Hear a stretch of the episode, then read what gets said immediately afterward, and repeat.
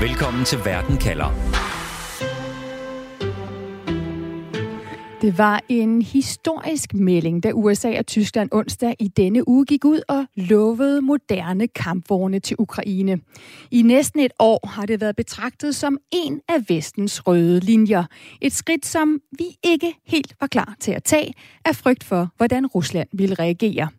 Og derfor spørger jeg i dag, vi sender kampvogne, hvad gør Putin?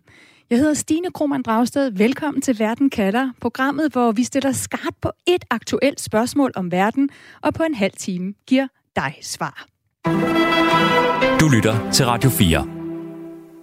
Flemming Splidsbol, seniorforsker ved Dansk Institut for Internationale Studier med fokus på Rusland og Ukraine. Velkommen til Verden Kalder. Ja, tak skal du have. USA Tyskland og en række andre lande vil nu sende moderne kampvogne til Ukraine. Det er en ny milepæl i vestlig militærstøtte til Ukraine. Altså ingen vestlige lande har indtil nu tur at gøre det, fordi de var bange netop for den russiske reaktion. Så hvad har Putin sagt i dag? Altså har han reageret på den her melding, der kom? Ja, det har han. Putin har blandt andet talt om, at det er amerikanerne, der driver det her frem. Det er Europa, som ligesom er blevet øh, fanget lidt øh, i det amerikanske spil. Øh, og det er jo så øh, et forsøg på en fortælling, kan vi sige, øh, øh, som handler om et øh, delvis splittet Vesten, og som handler om et øh, USA, som øh, forsøger at bevare sit hegemoni, øh, og med forskellige midler øh, forsøger også at, at bekæmpe Rusland. Så, øh, så Putin har været ude, øh, og blandt andet med den her historie. Og så i dag, altså torsdag, der hører vi om, om voldsomme russiske missilangreb over hele Ukraine. Øh, skal vi se det som en, en klar reaktion på, på den her melding om kampvognene? Nej, jeg tror måske, det er for tidligt at konkludere, at det er et, et, et direkte svar. Øh, det er også for tidligt at sige, øh, om, om det er en ny strategi. Der har jo været talt om, der vil ske noget nyt efter, at Valery Gerasimov blev udnævnt som øverstbefalende øh, for krigen i Ukraine den 11. januar. Det virker som noget, vi har set tidligere. En strategi, der nu har kørt fra russisk side i, i 3,5 måned, og som går ud på at, at ramme jo blandt andet civil infrastruktur i Ukraine. Så jeg har ikke grundlag for at sige hvad mm fald, at, at det her det er et direkte svar på, øh, på de meldinger, der er kommet fra blandt andet tysk og amerikansk, øh, britiske og andre sider om, øh, om leverancer af kampvogne. Og lad os vende tilbage til, hvilke mulige svar, der overhovedet er, som Putin sidder med, hvis vi ligesom skal tænke på, at han sidder ved et skrivebord nu og ligesom skal beslutte sig til, hvordan han vil reagere her. Øh, indtil da, så altså, at den mest troende udtalelse, jeg har kunne finde fra, fra russisk hold, det er kommet fra den tidligere præsident og premierminister Dmitri Medvedev, som siger, hvis en atommagt taber i en konventionel krig, så kan det udløse atomkrig. Atommagter har aldrig tabt store konflikter, som deres skæbne afhang af. Det er altså Medvedev, som er tidligere præsident og premierminister i Rusland, som siger det her som en direkte modsvar til udmeldingerne om amerikanske og tyske øh, kampvogne. Og, altså, han er jo blevet kendt for at sige lidt skøre ting, øh, men, men, øh, men Putins talsmand har jo sagt, at udtalelserne er på linje med Ruslands militære doktrin. Så har vi den anden ende, den russiske ambassadør i Berlin, som udtrykker sig noget mere diplomatisk. Ikke? Han siger, at beslutningen forårsager uoprettelig skade på de russisk-tyske forbindelser, som allerede er i beklagelig tilstand. Flemmings Splidsbol, hvilke af de to repræsenterer bedst Putins holdning, tror du? Ja, det kan jo sådan set være begge dele. Øh, video var jo kendt for at gå lidt ud af en tangent, som du også selv siger. Vi har oplevet nogle enkelte tilfælde, hvor han har været nødt til at trække i land, og der er han så nok gået for langt i forhold til, hvad Kreml ønsker. Øh, men det vi har set sådan fra politisk hold i, igennem nogle år, jo især på sådan noget som informationsoperationsområdet, brug af desinformation, det er jo at have, nogle, have en masse forskellige historier kørende samtidig. Og det kan være, at man ønsker her, at... Øh, at øh, appellere lidt øh, forskelligt. Og hvordan Putin lige står er svært at sige. Putin bruger jo også gerne selv retorikken om atomvåben, har jo også truet med, at hvis Vesten øh, altså på tidligere tidspunkt, hvis Vesten går for langt, hvis Vesten giver for meget støtte, jamen så kan man være nødsaget til at bruge atomvåben. Og han har jo inspiceret også øh, affyringer af missiler, øh, og de ligesom har testet deres atomberedskab. Og så samtidig så, så bruger Putin jo også nogle gange den samme retorik om, om uoprettelige skader, og, og vi vil egentlig gerne øh, øh, have et normalt og, og velfungerende forhold, men det er umuligt på baggrund af de handlinger, som I, I har taget. Så jeg, jeg er svært ved at, at sige sådan lige, hvor, hvad der afspejler Putin mest. Jeg kan genkende Putin i begge dele, faktisk. Mm. Øh, og som sagt, indtil videre, synes jeg, han har holdt en lidt, øh, en, sådan en lidt afdæmpet tone. Lad os lige se på, hvordan tonen har været i de russiske medier og, og kommentatorer, hvordan de har reageret. Det skal vi gøre sammen med dig, Valentina Shapovalova. Velkommen til Verden kalder. Tak skal du have. Øh, Ph.D. ved Københavns Universitet, hvor du forsker i russiske medier og russisk propaganda blandt andet. Valentina, vi starter lige med et klip fra et af Ruslands kendte aften-tv-shows. Et klip, som har floreret en hel del online i dag. Yes. Украрейх отметил празднованием. Ja, natürlich. Маленькую бандеровскую сволочь баловали его хозяева, да. Они ему давали танкишен, ja, и gratischen und tankischen, ja.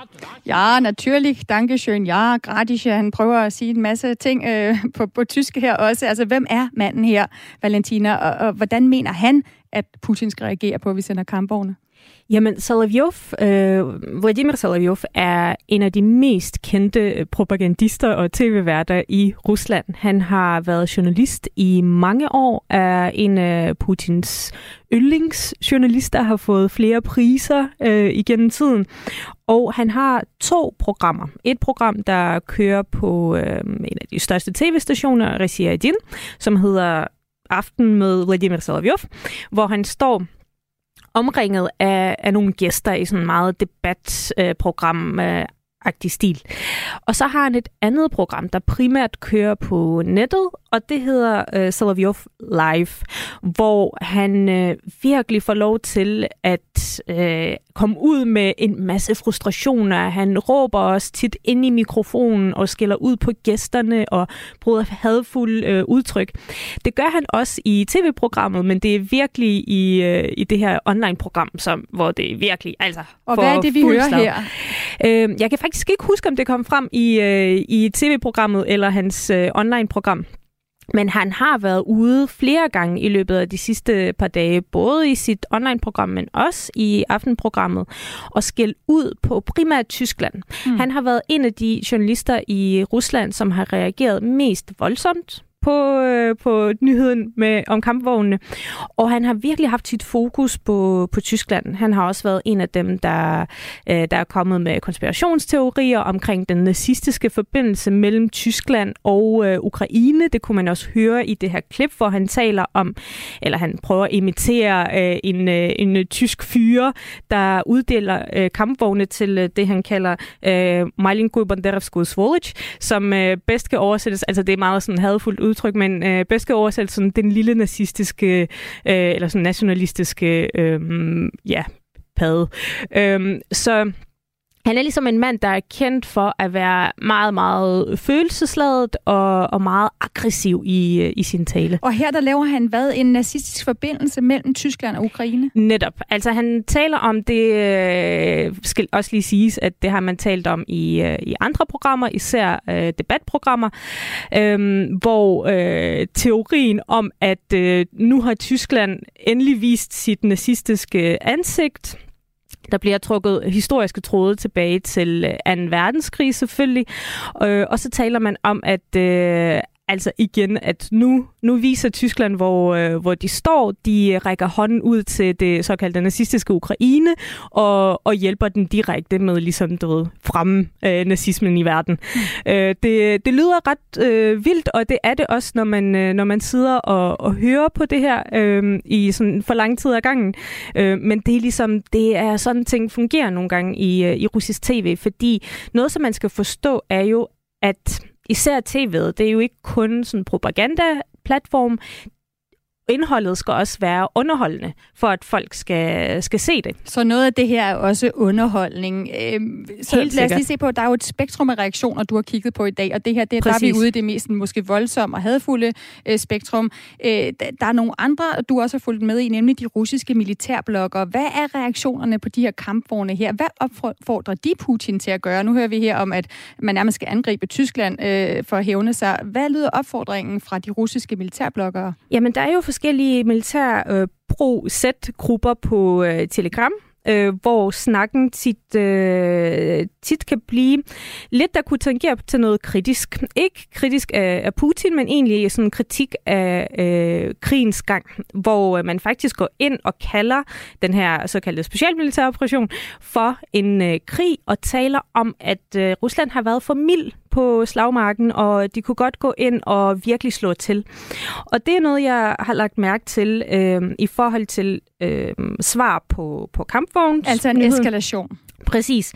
Øhm, der har folk snakket om, øh, altså enten har de talt ind i fortællingen om, at øh, altså de her kampvogne kan slet ikke matche vores russiske kampvogne, vi kommer til at køre den over, de bliver til skråt i Ukraine, og altså sådan en latterliggørelse af, af de her nye øh, kampvogne.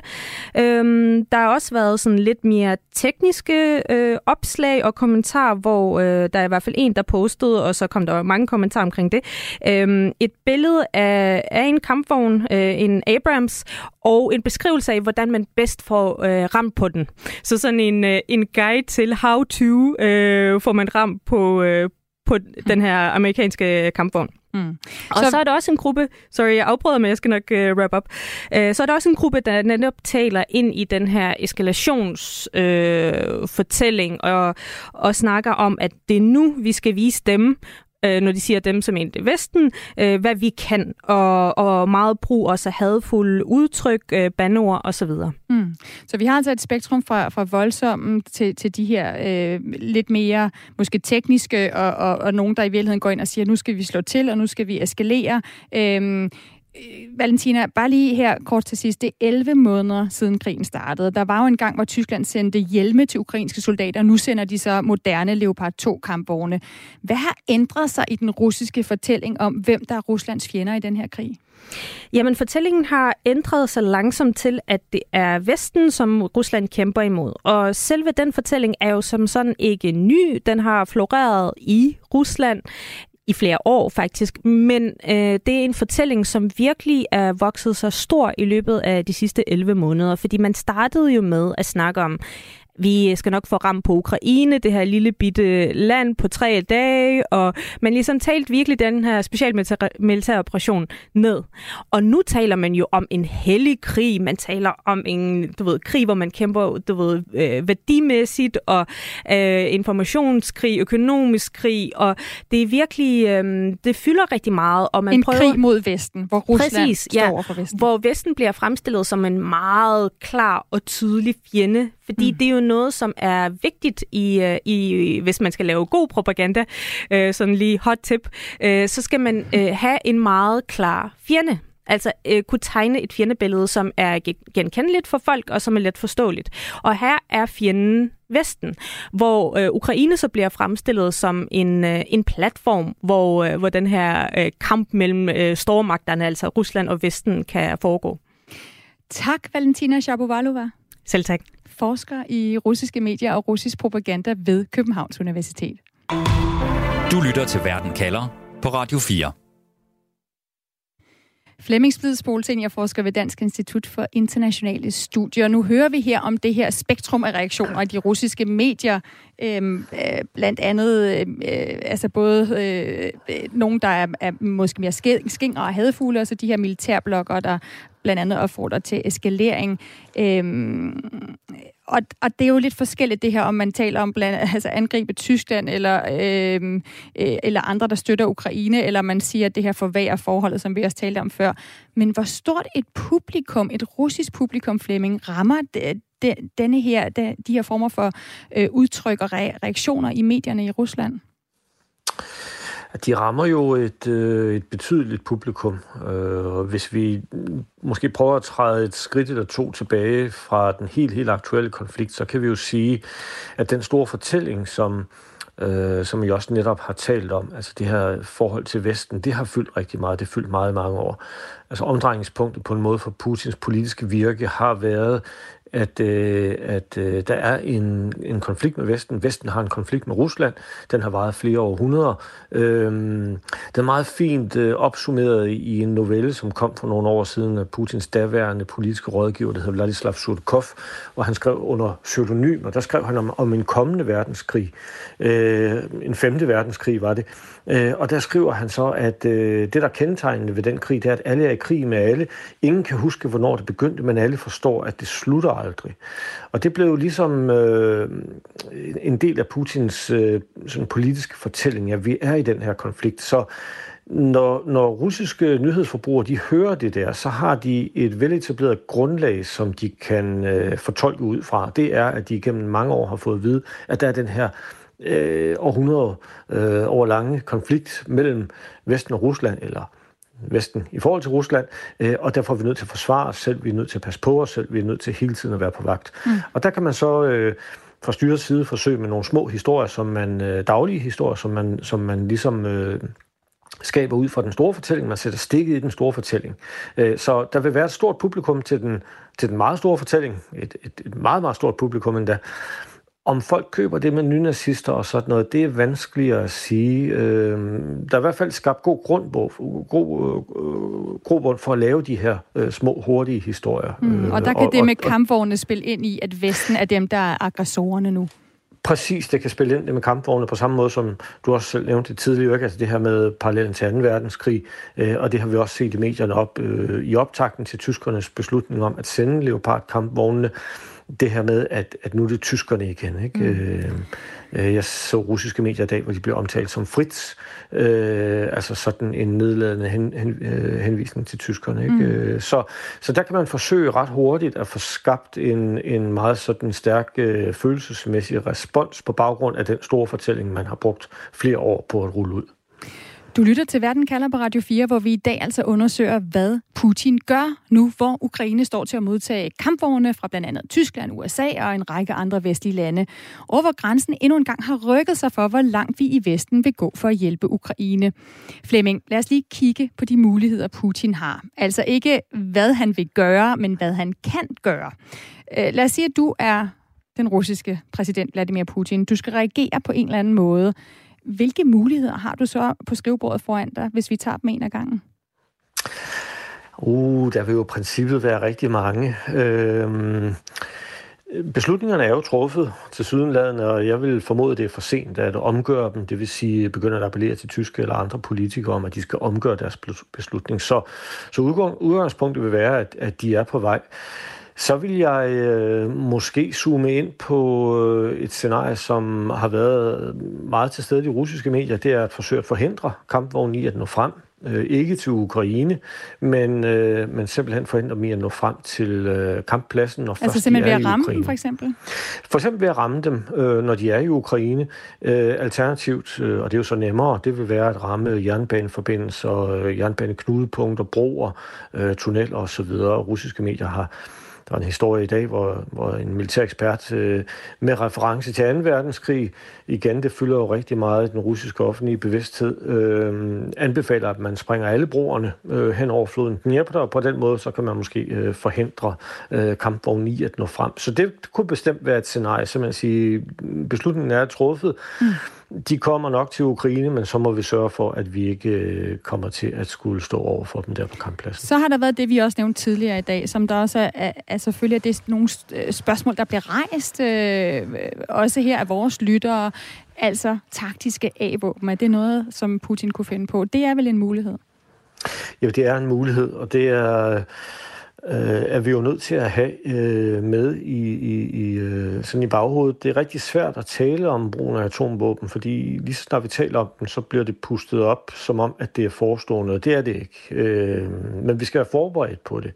Så vi skal have et scenarie i skuffen, som siger, at vi vågner en morgen, og så erfarer vi, at der er blevet brugt atomvåben, så skal vi finde ud af, hvordan delen håndterer vi det. Øh, og den mulighed er der. Jeg vil dog sige, når jeg kigger på de russiske medier, og nu øh, havde vi jo lige en gennemgang sådan fra det mest skængre til noget af det mere sådan øh, rolige. Mit overordnede indtryk, det er, at de russiske medier er forholdsvis afdæmpet det politiske niveau også. Jeg tror, at de forsøger at finde deres ben i den her sag og finde ud af, hvordan de bedst reagerer på det. Så Flemming, det kunne være en anden mulighed, at Putin simpelthen gør ingenting. Altså, at der er i hårde ord tom luft. Det kunne være en anden mulighed, at han lader dem komme frem. Der vil dog øh, selvfølgelig være den risiko for Putin, dels at der er nogen øh, i miljøerne omkring ham, især krigsfløjen i Rusland, som kræver handling. Øh, kan vi sige, øh, øh forudsætningen, øh, baggrunden for hele den samtale, vi har nu, det er jo, at vi også erkender, at vi er kommet op på et nyt niveau. Øh, vi kommer op på en ny hylde, øh, en hylde, som vi ikke øh, rigtig rakte ud efter tidligere, men nu er vi der altså, og nu leverer vi forskellige øh, kampvogne, de forskellige lande, der gør det. Det er et nyt niveau. Øh, og krigsfløjen i Rusland vil på den baggrund kræve, at der sker noget. At man reagerer på, at vi er kommet mm, på et nyt niveau i krig, der skal ske noget. Putin godt, kunne godt, kan godt forsøge at, at, at lade som ingenting og tale om andre ting, og det har han også gjort i dag.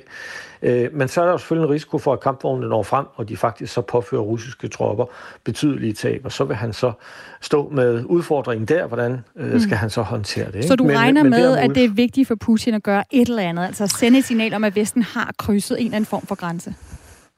Det vil jeg formode, ja, at det vil være vigtigt for ham, øh, både sådan egne politiske hensyn og hans egen personlighed, og, og, og det, at han føler, at han skal øh, på en måde have kontrol, ikke? og han skal, han skal være den, den, den agerende, men også fordi der vil være en krigsfløj i Rusland nu, som vil puste ham lidt i nakken og sige, at vi forventer, at der sker noget. Ikke? Og, og som sagt, jeg kan se jo i de russiske medier, der bliver talt en hel del om de her angreb på infrastruktur i Ukraine, øh, og det vil jeg selv anse for at være forholdsvis sandsynligt.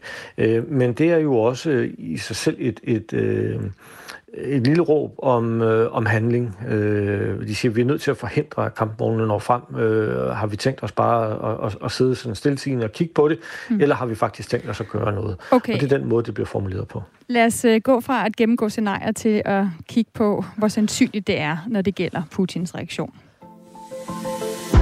Radio 4 taler med Danmark. For når Vesten giver mere og mere til Ukraine, altså senest de her kampvogne, så er spørgsmålet, som du også siger, Flemming Spidsbol, er der egentlig en grænse? Øhm, og hvad siger du? Altså, er der en rød linje for Putin?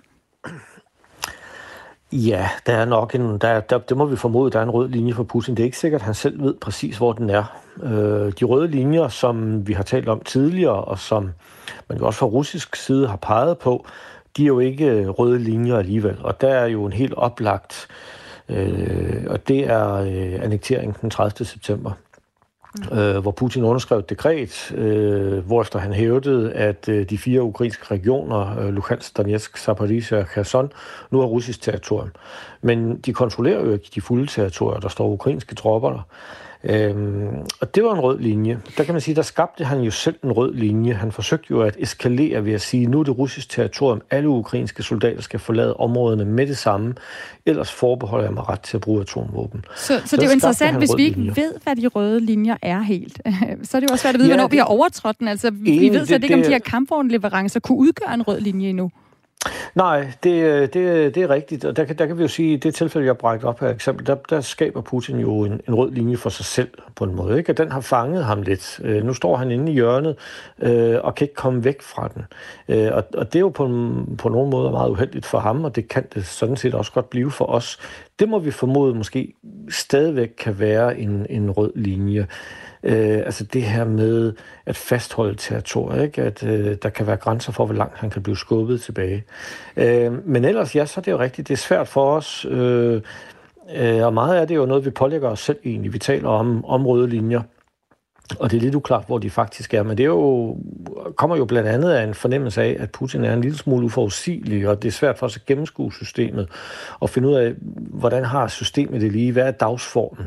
Mm. Øh, og hvad kan de finde på at gøre på baggrund af forskellige begivenheder og handlinger? Så, så det med, med de røde linjer, det er rigtig svært. Samtidig er det måske også noget, vi skal passe på, ikke? At, at pålægge os selv for mange begrænsninger øh, i, i forhold til netop... Ja, fordi, det kunne jeg godt tænke mig at komme ind på, så, ja. fordi vi, nu har vi lige talt om, om nogle af de scenarier, øh, som vi bliver nødt til at forholde os øh, til, altså de muligheder, der er foran Putin, når han sidder på skrivebordet og skal reagere på det her. Og et af de scenarier, som du også siger, vi ikke skal øh, frygte er nærtstående, men som vi bliver nødt til at have en plan for, det er jo den her reaktion, der kunne være at bruge taktiske øh, atomvåben. Hvor sandsynligt vurderer du, at det er, Flemming? Jeg vurderer, at det har en meget øh, lille grad af sandsynlighed, øh, som, som det er lige nu. Øh, simpelthen fordi det vil få enormt store omkostninger, således som vi også har talt om det tidligere. Så er der den yderligere pointe ved, ved brugen af dem, jo i hvert fald i Øst- og, og, og, og Syd-Ukraine, det er, at Putin nu hævder, det jo, at det er russisk territorium. Mm, så han vil ødelægge øh, noget af sit eget territorium? Han vil ødelægge noget af sit eget territorium. Han vil ødelægge livet for de, øh, mange af de folk, som han nu hævder er russere, som jo har fået uddelt pas, og som er blevet inkorporeret på en måde jo i det russiske system. Det betyder ikke, at jeg ikke kan se en, en udvikling, hvor det godt kunne ske, hvor han ligesom siger, prøv at nu forlader vi de her områder, Mm. Øh, og så brænder vi dem simpelthen fuldstændig af, og det gør vi med taktiske atomvåben. Øh, og, og på samme måde så øh, får vi så øh, dræbt en, en, en del af de ukrainske tropper, og så kan vi få, så trækker vi os, og så er det ligesom det. Så, så jeg kan sagtens se for mig øh, scenarier, hvor, hvor det kunne blive aktuelt. Øh, jeg mener dog stadigvæk, at det har en meget lille grad af sandsynlighed. Du mener, at det har men... en lille grad af sandsynlighed nu, så, så er det jo, at jeg kommer tilbage til det, du nævnte lige før. Betyder det så, at vi fra vestens side måske endda kan gå et par hylder op? Nu talte du om, at vi rækker højere og højere op mm. på hylden i forhold til, hvad vi støtter Ukraine med. Altså for eksempel ja. fly, uden at vi risikerer en reaktion fra Putin. Det er muligt, at vi kan. Vi ved det jo simpelthen ikke, og jeg kan se, at øh, nogle af de russiske medier i dag, de taler allerede om, hvad er det næste skridt, så at sige, hvad er det næste hylde? Fordi de siger, nu vil ukrainerne have mere. Nu vil ukrainerne blandt andet også have mere avancerede kampfly, og de vil have flere mere avancerede øh, raketsystemer, de vil have tungere droner. De vil nu op på den næste hylde, eller hylden, øh, hylden over. Øh, og om der er en rød linje i forbindelse med det, det kan jeg simpelthen ikke mm. sige, men, men der er selvfølgelig en, en risiko for, at vi til sidst når et niveau, hvor russerne vil føle sig så presset, og Putin vil føle sig så presset, blandt andet fordi han har malet sig selv ind i et hjørne med annekteringen, at han ligesom siger, nu, nu har jeg ikke andre muligheder. Mm. Men øh, ja, igen, vi skal passe på, at vi ikke begrænser os selv for meget ved det også, ved at vi pålægger os selv nogle forestillinger om, hvor de røde linjer er. Du lytter til Verden kalder på Radio 4. Så Flemming, lad os opsummere her til sidst. Jeg startede med at stille spørgsmålet. Vi sender kampvogne. Hvad gør Putin? Ja, indtil videre, så, øh, så tror jeg, Putin ser det lidt andet. Jeg tror, man i, øh, i Rusland forsøger at finde et svar, og det er især et militært svar. Det vil være at prøve at finde dels en, en samlet fortælling om, hvad betyder de her leverancer, men så også et militært svar på den måde, at man skal agere på kamppladsen. Finde ud af, hvordan reagerer vi bedst på det her. Tusind tak for den vurdering, Flemming Splidsbol, seniorforsker ved Dansk Institut for Internationale Studier med fokus på Rusland og Ukraine. Og uanset hvad der sker, så husk, at du kan få svar på et afgørende spørgsmål her i Verden kalder med mig, Stine Krohmann Dragsted. Vi sender fremover live hver mandag og torsdag. Først en halv time om en aktuel sag i Verden kalder, og så får du 30 minutters Verden kalder perspektiv, hvor vi altså sætter et afgørende spørgsmål om verden ind i en større sammenhæng og giver dig et svar. Og husk at øh, abonnere på Verden kalder som podcast. Du kan altid finde Verden kalder podcast på Radio 4's app eller der, hvor du finder dine podcasts. Velkommen til Verden kalder Perspektiv.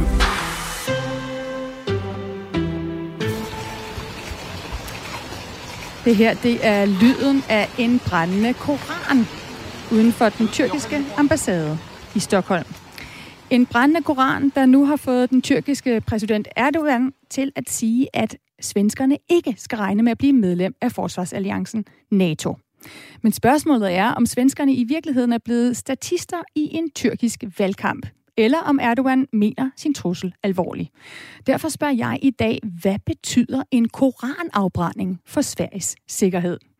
Vi undersøger også, hvor sikkert Sverige er uden for NATO, for eksempel om Danmark, øh, som jo har lovet at beskytte vores naboer, uanset om de er med i NATO eller ej, hvad det betyder, og om det nedslidte danske forsvar kan stille med mere end en jolle og en rammeøl.